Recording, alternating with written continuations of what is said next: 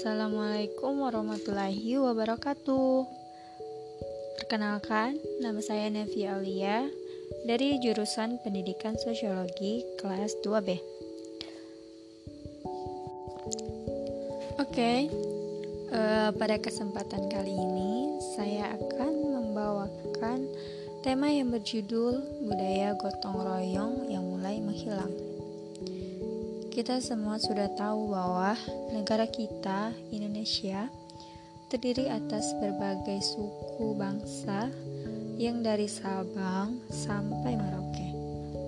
Dan tidaklah hal yang mudah untuk saling mempertahankan suatu keutuhan bangsa agar tetap terjalin baik sampai saat ini.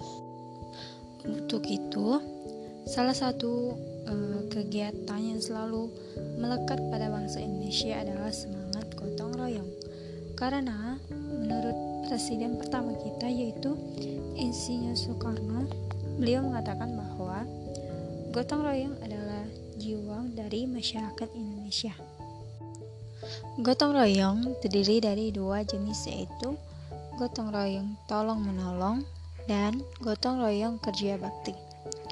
Suatu budaya gotong royong tolong-menolong terjadi pada aktivitas pertanian, kegiatan sekitar rumah tangga, kegiatan pesta, kegiatan perayaan, dan pada peristiwa bencana atau kematian.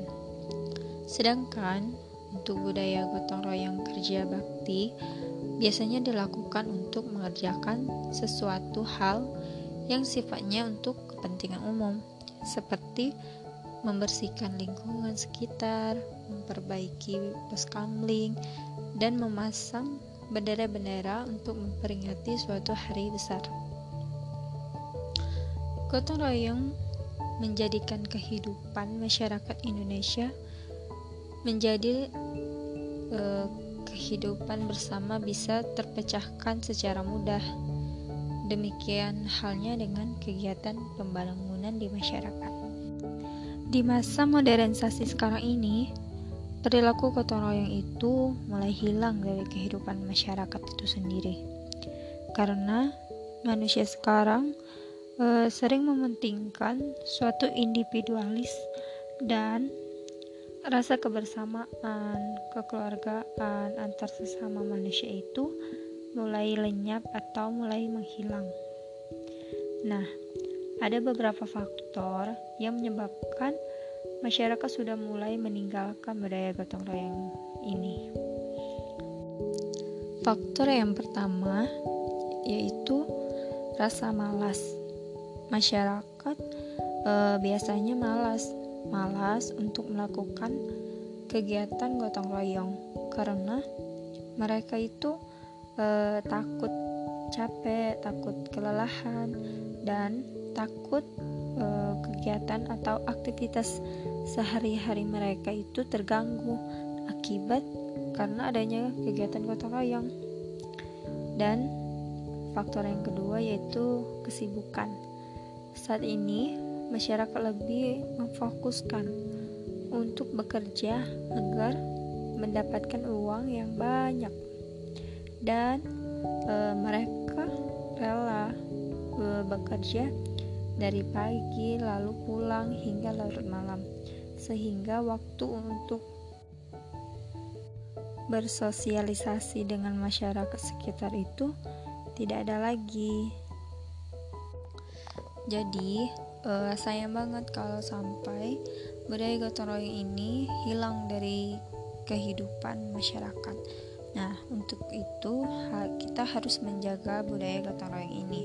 Memang bukan hal yang mudah, tetapi pasti akan selalu ada cara untuk men menjaganya. Nah, salah satunya seperti melakukan sosialisasi kepada masyarakat tentang uh, pentingnya budaya gotong royong untuk dipertahankan. Kegiatan ini memang memang terlihat sepele, tetapi jika serius dalam melakukan program sosialisasi maka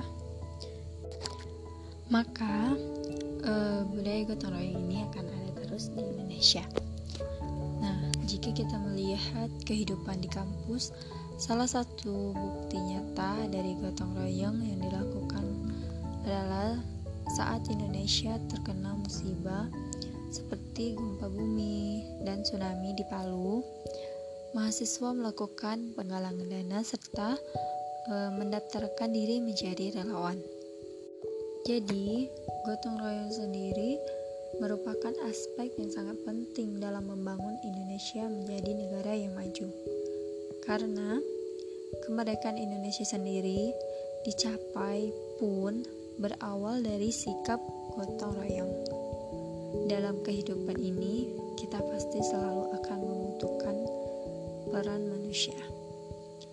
Uh, sekian podcast dari saya. Mohon maaf apabila terdapat salah-salah kata. Wassalamualaikum warahmatullahi